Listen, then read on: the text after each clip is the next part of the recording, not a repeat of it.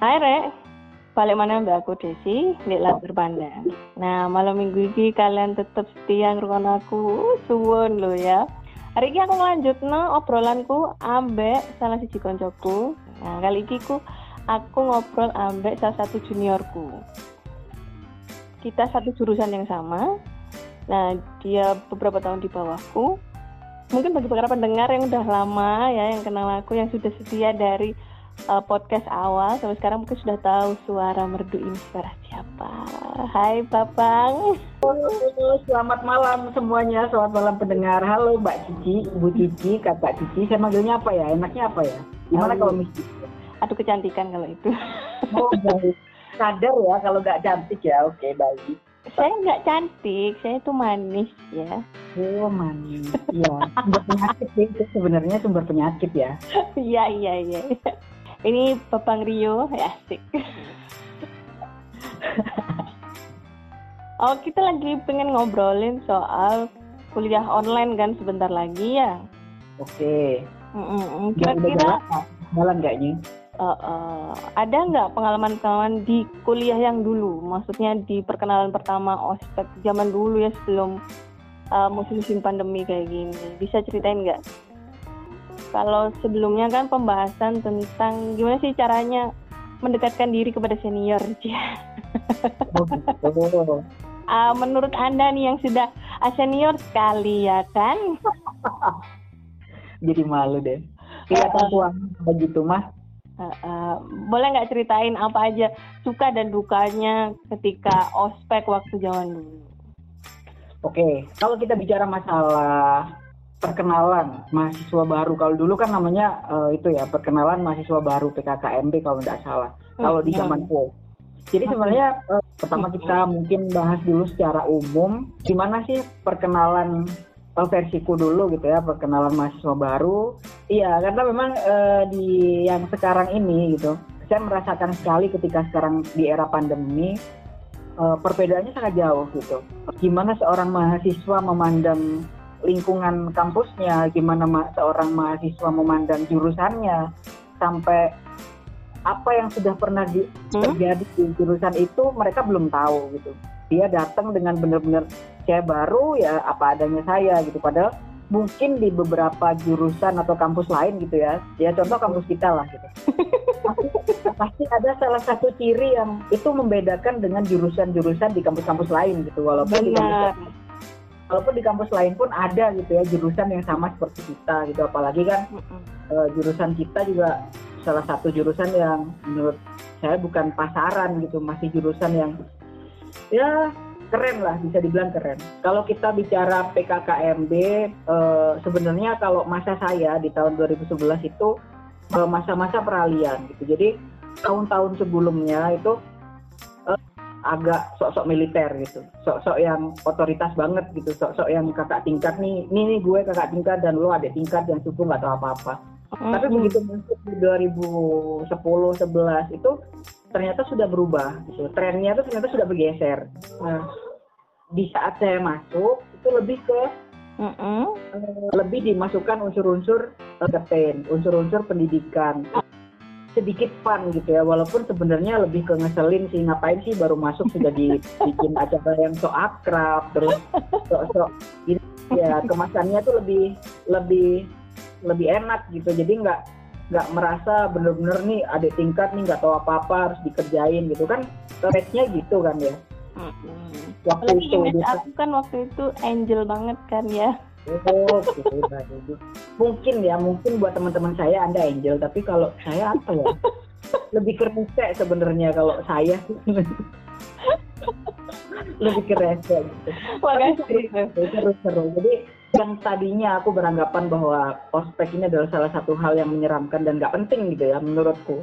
Mm-mm. Itu karena kenal anda-anda semuanya waktu itu itu ada satu hal yang berbeda. gitu. Jadi positifnya itu.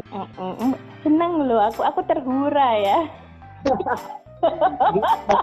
Jadi ketika kita bandingkan acara eh, perkenalan mahasiswa baru ini dengan era sekarang gitu kadang suka kasihan gitu kepada adik-adik semuanya yang dia belum mengenal betul kondisi uh, kampusnya, kondisi jurusannya, siapa-siapa yang bisa dijadikan mereka acuan gitu. Kadang ada kan adik tingkat yang uh, bener-bener lihat kakak tingkat tuh, oh ini orang keren, bisa jadi panutan lah gitu. Loh, aku tuh termasuk anu loh, mahasiswi terfavorit kan waktu itu. Oh iya, karena aneh ya kan. gitu. Ingatkah Anda dengan bros membahana itu? uh, nih ini patut di uh, buat para pendengar yang udah kenal kita berdua ya. Kita punya masa-masa di mana masa-masa keemasan. Benar. Gimana uh, masa-masa kealayan itu terbelejeti benar di kampus, gitu kan ya. Dengan, dengan tiada malunya pakai jaket ungu, jilbab kuning dan kroset emak. Uh, itu kuliah loh. ya Allah terus juga nih orang ya nih nih kalau uh, teman-teman yang lagi dengerin semua ini kalau inget ya mudah-mudahan inget ya. Dan moga mudah dulu kalau kuliah nih ya sebagai kakak tingkat yang menurut saya baik gitu waktu itu. Dia orang aneh gitu. Dia orang aneh gitu. jadi jadi dia datang dengan dandanan yang tabrak warna. Loh Lalu, dulu kan ceritanya mau Harajuku style versi hijaber okay, kan Tapi jadinya Anda huru hara, nggak jadi harajuku. Iya. Iya. Terus pakai bros war, pakai bros segede umat, terus pakai jilbab warna apa, baju apa. Tapi pede ya waktu itu. Jadi gitu uh, apa? Ketika kita ngomong dibandingin dengan sekarang tuh jadinya kasihan gitu. Adik-adik tingkat yang sekarang tuh nggak bisa nggak bisa tahu seluk beluk dari apa sih pengenalan mahasiswa terhadap kampusnya, terhadap jurusannya sehingga dia merasa uh, dari masa SMA atau SMK ke kuliah itu jadinya ya uh, pindah sekolah aja gitu. Mm-hmm. Padahal antara siswa dan mahasiswa tuh bedanya jauh gitu. Benar. Apa yang disebut siswa, apa yang disebut mahasiswa, terus apa yang disebut jurusan dan apa yang disebut prodi itu kan udah beda-beda gitu ya. Jadi mereka mungkin nggak nggak nggak akan mengalami sedetail ketika kita benar-benar masuk kuliah dan di situ sebenarnya miris sih kasihan juga tapi demi apa ya pandemi cepat berlalu mungkin hal ini memang perlu dilakukan dan mm-hmm. siapa tahu nanti ke depannya tren dalam berpendidikan itu sudah beda gitu bisa Amin. jadi alami dulu uh, itu jadi sejarah dan bisa diceritakan ke adik-adik kita gitu. Hmm. dan mereka bisa berinovasi atas hal itu. Mudah-mudahan seperti itu. Kita ambil positifnya lah. Uh, uh, jadi kalian ya tetap jaga kesehatan ya. Kalian meskipun uh, apa kuliah online sekarang yang udah jalan kuliah online yang sudah lagi ospek online uh, jalanin aja ya. Siapa tahu kalian nanti jadi panitia ospek tahun depan. Dan beberapa kampus tuh sepertinya masih belum bisa menghilangkan ini ini ini jeleknya ya. Kalau kita tadi ngomong bagusnya gitu ya uh, pengenalan mahasiswa baru di era saya era sebelumnya dan era sekarang. Mereka masih pakai uh, aturan lama mereka masih pakai aturan yang di mana bentak-bentak itu tuh menunjukkan bahwa gue nih senior lo junior lo nggak ada apa-apa gitu. Itu kampus-kampus lain tuh ada beberapa yang sampai sekarang pun dilakukan. Bahkan kemarin di berita juga sempat rame kan dibentak-bentak di laptop. Mana dasinya mana tuh ngapain gitu? Itu, itu udah sumpah itu bodoh banget ya. Ini udah kalian kan? ya yang yang lagi sekarang jadi panitia ospek online ya. Lu sadar ya itu adik lu bayang itu adik lu yang kan sepupu lu lu bentak-bentakin. Sadar nggak sih kalian tuh? Begonya lagi gitu ya. Mereka kan ospek katanya ospek online gitu. Dia bentak-bentak menanyakan mana sabuknya? Mana seragamnya? Mana nah mereka kan di rumah. Iya kan? Benar ya bener mereka itu lagi di rumah lu paksa dia pakai seragam lu paksa dia pakai ini ya. Ya pokoknya secara frame pakai seragam beres gitu. Ngapain lu suruh-suruh berdiri terus lu lihat sabuknya lu lihat kaos kakinya. Dia tuh lagi di rumah gitu.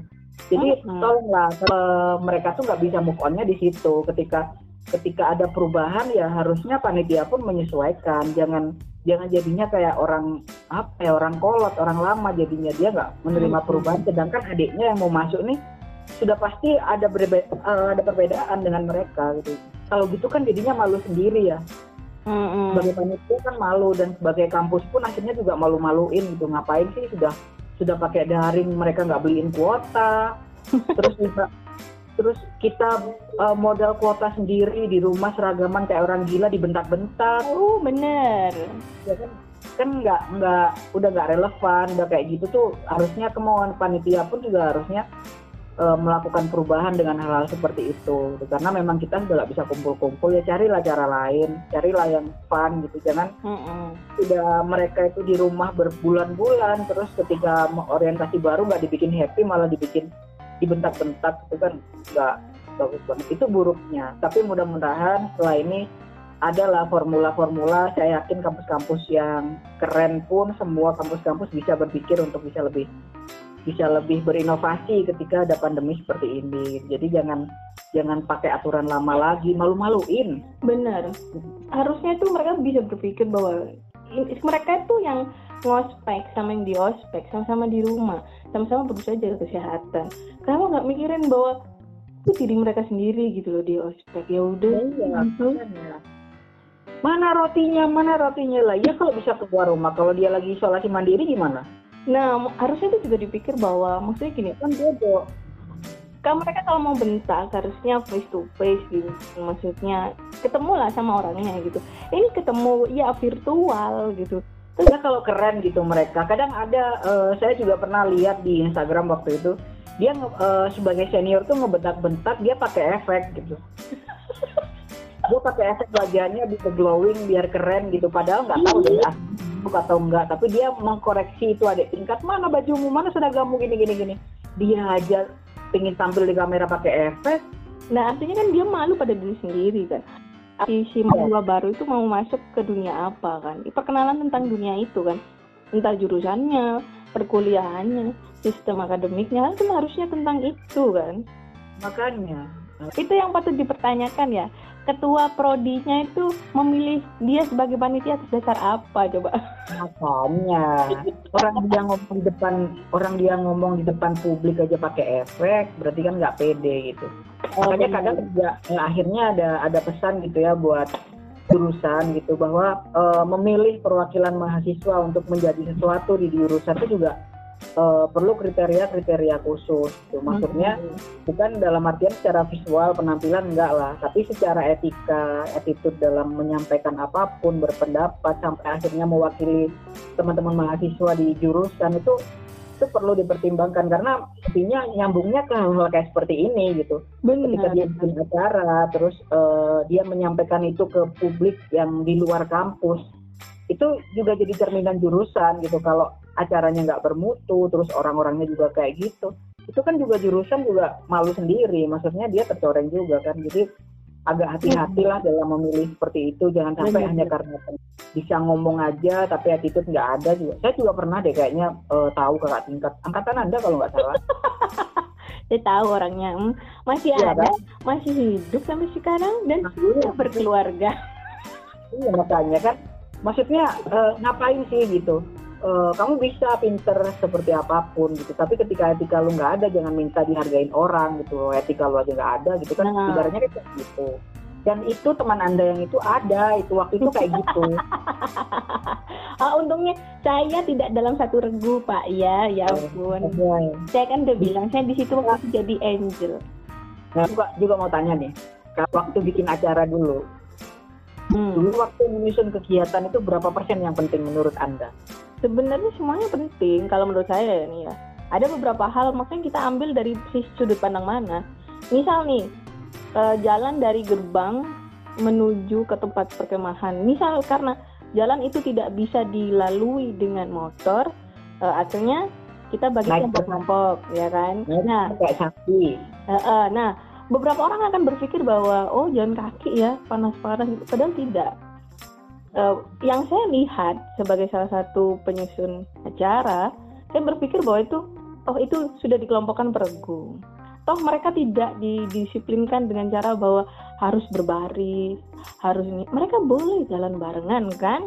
Jadi itu tergantung dari sudut pandang mana. Memang saya tidak memunafikan bahwa ada beberapa bagian yang salah. Kayak misal eh, tadi bahwa bentang-bentang itu salah. Walaupun sebenarnya beberapa senior atau alumni akan tetap melakukan itu karena ternyata alumni tetap datang dan melakukan hal itu meskipun sudah kami larang untuk dikarenakan uh, tahun ajaran baru ini penuh dengan persyaratan untuk mengajari dengan lebih baik. Nah setelah disaring, uh, para alumni juga mau, akhirnya kita melakukan hal itu. Nah itu pun masih dalam pengawasan kami sebagai panitia, walaupun sebenarnya tetap aja uh, dianggap salah gitu. Dan menurut kami setelah evaluasi juga itu tetap salah. Tapi ya alhamdulillahnya tidak terjadi apa-apa kan. Iya sih. Ya memang memang itu ya kembali lagi siapa yang melihat gitu. Tapi uh, ketika kita bicara misalkan kita nih sudah dijadiin satu nih kita tidur satu kelompok satu tenda itu sudahlah uh, oke okay lah nggak apa-apa nggak masalah. Hmm. Terus ketika malam-malam suruh jalan-jalan naik gunung oke okay lah nggak masalah ngetes mental gitu kan. Walaupun ada beberapa teman saya yang akhirnya bengek.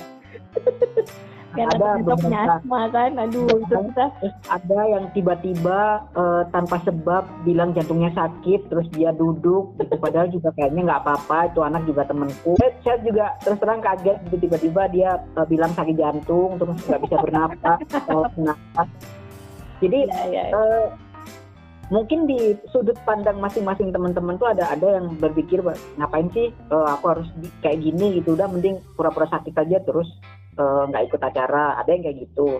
Ada yang benar-benar bengek sampai akhirnya dibawa ke rumah sakit. Ternyata dia nggak bisa dingin nggak bisa apa termasuk oh, anak gitu kan. Benar benar eh, nggak bisa lain juga. sebagai panitia Iya, tapi juga dianya juga salah. Waktu itu. Kenapa dia sosok jagoan, mau diajak naik gunung, mau hmm. diajak ke situ, dia sakit gitu kan. Akhirnya meribetkan panitia kalau kayak gitu. Jangan kayak gitu. Iya. Jangan kayak gitu juga harusnya gitu. Jadi ada beberapa hal kelucuan-kelucuan tuh yang sebenarnya nggak perlu terjadi gitu di acara itu. Justru Kalau, sebenarnya waktu itulah ya kan kita bertemu kan sebagai angel dan ya. sebagai yang tertolong. Iya kan waktu itu kan kalau boleh jujur Anda sebagai panitia yang ketakutan karena ada teman saya yang udah mau mati gitu kan adegannya seperti itu waktu itu.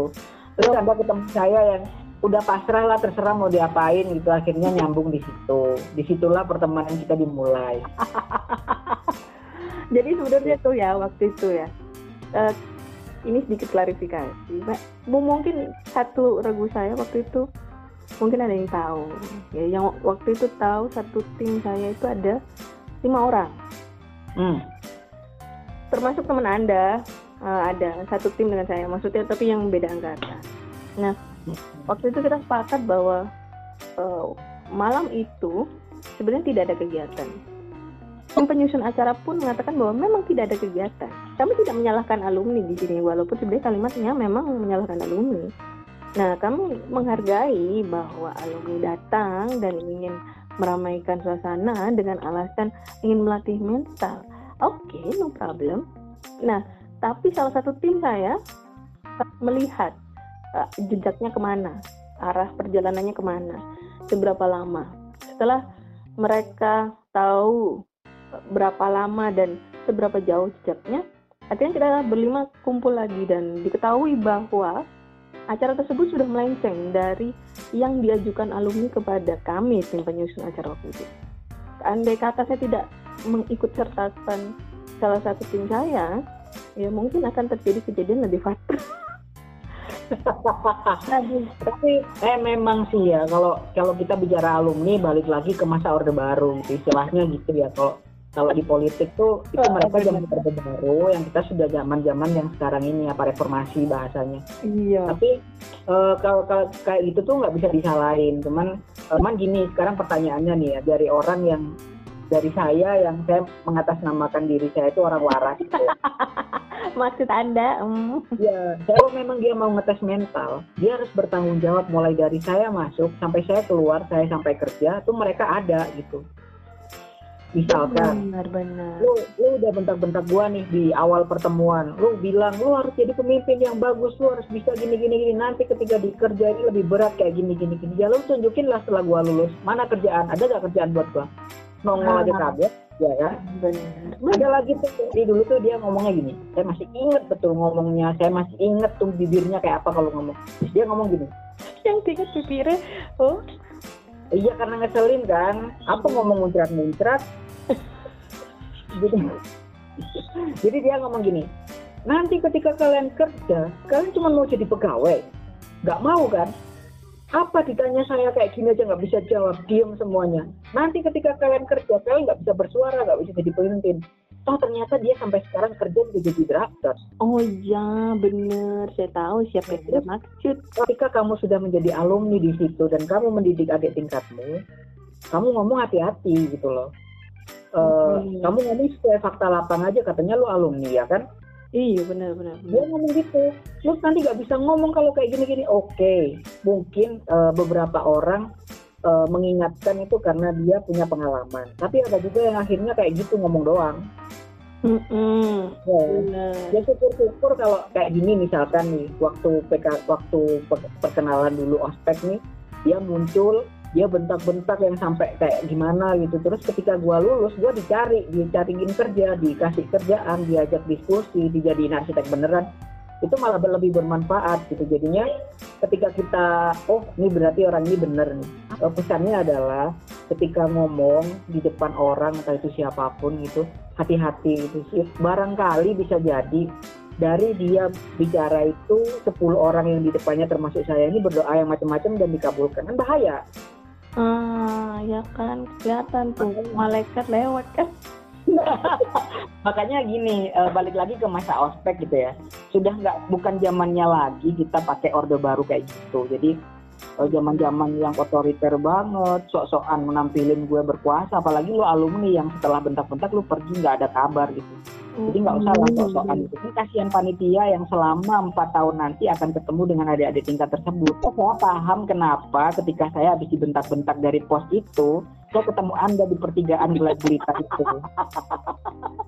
Anda bilang "Eh, ya gitulah kita kan eh, anu ya namanya juga alumni. Ya persis kayak ini tadi anda ngomong gitu bahwa bahwa itu memang sedikit di luar kendali. Itu saya masih ingat kok anda ngomong apa gitu. Dan memang waktu itu saya pahamnya di situ. Ternyata memang dia orang yang lagi nyari-nyari aja. Mungkin waktu itu dia di kerjaan ada masalah terus diluapkan ke kami gitu bisa Iya. aja gambarnya salah terus diluapkan ke kami kan dia arsitek katanya ya kan Oh iya benar. Bisa. ya positifnya seperti itu itu karena itu aku ingat banget waktu itu ternyata dan ternyata nih ternyata ya Heeh. Ya. Mm-mm. ada yang ngebentak-bentak lagi itu dia masih kuliah Oh panitia berarti. iya dia panitia dia mendampingi alumni alumni itu karena kayaknya kenal dan merasa sefrekuensi gitu jadi dia kayaknya nongol di pos itu gitu padahal itu pos bayangan kayaknya Oh iya saya tahu siapa pelakunya. I know, Ya, I know, ya. I know. Lalu. dia nongol di pos itu terus dia ikut bentak-bentak seolah-olah gitu kan ya ternyata dia itu kuliah lima tahun belum kelar Benar juga. itu kan satu contoh yang menurut saya nggak baik gitu ya dia ngomong seolah-olah dia tuh sudah sudah keren di arsitek diakui apa orang skripsinya aja B plus terus dia lulus lima tahun Mm-mm. Benar. ya maksudnya jangan kayak gitulah sekarang sudah sudah bukan zamannya kali kayak gitu gitu jadi Hmm. miris aja kalau sampai sekarang tuh lihat dia sebagai senior bentak-bentak di depan laptop kalau dilihat ibumu nggak apa nggak ketawa itu ibumu lu bentak-bentak di depan laptop mana bajunya mana bajunya untung sama makmu nggak ditimpuk sama sapu Lah, itu dia makanya lu hati-hati ya kan. Yang lagi ospek online ya, boleh kalian fokus ke eh, apa namanya kakak tingkat kalian boleh. Kalau emang kakak tingkat kalian nyebelin, kalian offin kameranya juga nggak apa-apa. iya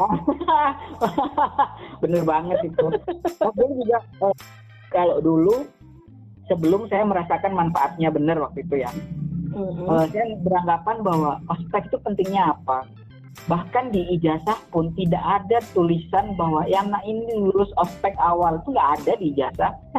Kagak ada pak, ya Allah. makanya eh, pentingnya apa? Tapi ternyata pentingnya itu tadi. Minimal kita mengetahui satu sama lain teman kita. Kita Hmm. mengetahui satu sama lain panitia itu seperti apa kakak tingkat kita seperti apa gitu. Hmm. minimal itu sih. Bener ada yang manis kayak aku kan, ada yang ingat pura segede umat oke jilbab yang diputer lima kali itu kalau tujuh kali dan kayak ah, ritual haji itu tujuh kali loh. Tapi kan aku berkesan sekali kan sebagai panitia itu. Halo. perbuatan perbuatan mereka yang yang di luar nalar itu gitu Waduh. Eh, berarti termasuk aku ya di luar nalar karena kecantikanku kan melebihi Cleopatra. Aduh, ini bener deh. Tolong dong. Tolong dong ada kaca dong di situ nanti di studio lain kali biar kalau mau ngomong tuh ngaca dulu gitu nah. Aduh, kacanya pecah. Itu saking Iya. cantiknya gue tau nggak? Tuh Tuhan. Oke lanjut. Ya, Hmm. ada beberapa orang gitu di di apa di acara itu. Termasuk anda. Anda saya roasting aja itu aja di transfer ya. Ada salah satu kakak tingkat yang dulunya ngeselin. Ngeselin banget waktu di situ. Tapi ternyata setelah tahu gitu kita setelah tahu saya gitu kan mereka itu akhirnya akrab dengan saya karena teman-teman saya gitu teman-teman saya itu cuman berapa sepuluh orang tapi nggak ada yang fake gitu kan tadinya tuh dia kayak kayak nggak mau banget gitu ketemu sama saya orang aneh gini gitu kan Hmm. ternyata dia spirit akhirnya menjadikan saya teman sampai sekarang bahkan gitu jadi Alhamdulillah. sekarang itu ini udah berapa tahun sih kita lulus ya saya lulus tuh tahun 2015 berarti udah enam tahun ya Wak Ya ampun lama ya tua berarti anda ya. kalau saya udah enam tahun Anda berarti sudah 8 tahun. Oh iya. Loh, aku masih merasa gadis loh, 17 oh, tahun. oh wow amazing ya. Merasa gratis loh. Memang banyak sih sekarang gadis-gadis tua gitu banyak kok. Iya, tersebar Ah iya. dia tuh dulu apa ya istilahnya ogah lah gitu. Kalau bahasa Jawanya tuh ogah lah koncoan dari nggak penting ternyata dia sampai sekarang bahkan kalau dia main ke Malang gitu ya yang ditelepon tuh aku gitu Oh. Ban gimana gitu. ayo yuk yuk nongkrong yuk gini gini walaupun kadang eh, aku juga jadi aja lah ayo ayo ketemu ayo ketemu karena apa Hmm. karena dia akhirnya tahu gitu bahwa eh, dari dari momen kita perkenalan di awal dulu eh, ospek itu Mm-mm. akhirnya menciptakan teman yang bisa jadi usianya lama gitu jadi bisa temen nggak hanya di kampus. Bagus. itu Bagus. juga ada Itu bagus positifnya ya. Iya, itu bagusnya itu. Saya kenal memang bener ya, dari tadi udah disebutin. Kalau teman-teman masih dengerin nih ya. Hmm. Tadi dari awal tuh udah disebutin bahwa kita ketemu tuh di acara PKKMB itu waktu setelah dibentak-bentak. Betapa Hmm. betapa mulianya dia nunggu di kerjaan.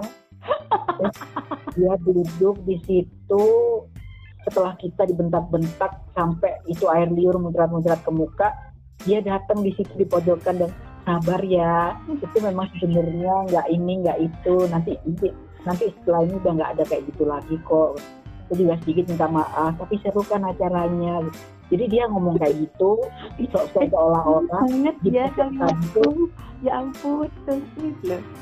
jadi makanya itu padahal eh, dia tuh sosok ngomong kayak gitu setelah kita tadi di pos yang sono itu pos bayangan itu kita udah di udah udah ludahin gitu istilahnya dia datang sebagai malaikat itu mungkin Iya. waktu itu yang bikin akhirnya oh ini salah satu orang yang menurut menurutku baik gitu waktu Oh. itu Merasa angel loh aku ya.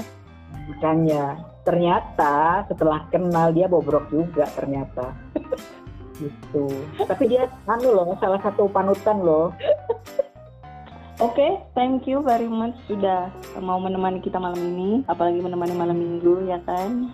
Iya loh, ini malam minggu kita ngobrol panjang loh. Udah berapa menit nih? Udah kayak 30 menitan ada kali ya. Nah, dan ini teman-teman dia lagi jomblo ya, mungkin ukti-ukti yang pengen kenalan. Assalamualaikum Ukti. Saya jomblo 28 tahun hari ini. Oh, boleh sekalian promo kali ya? Boleh.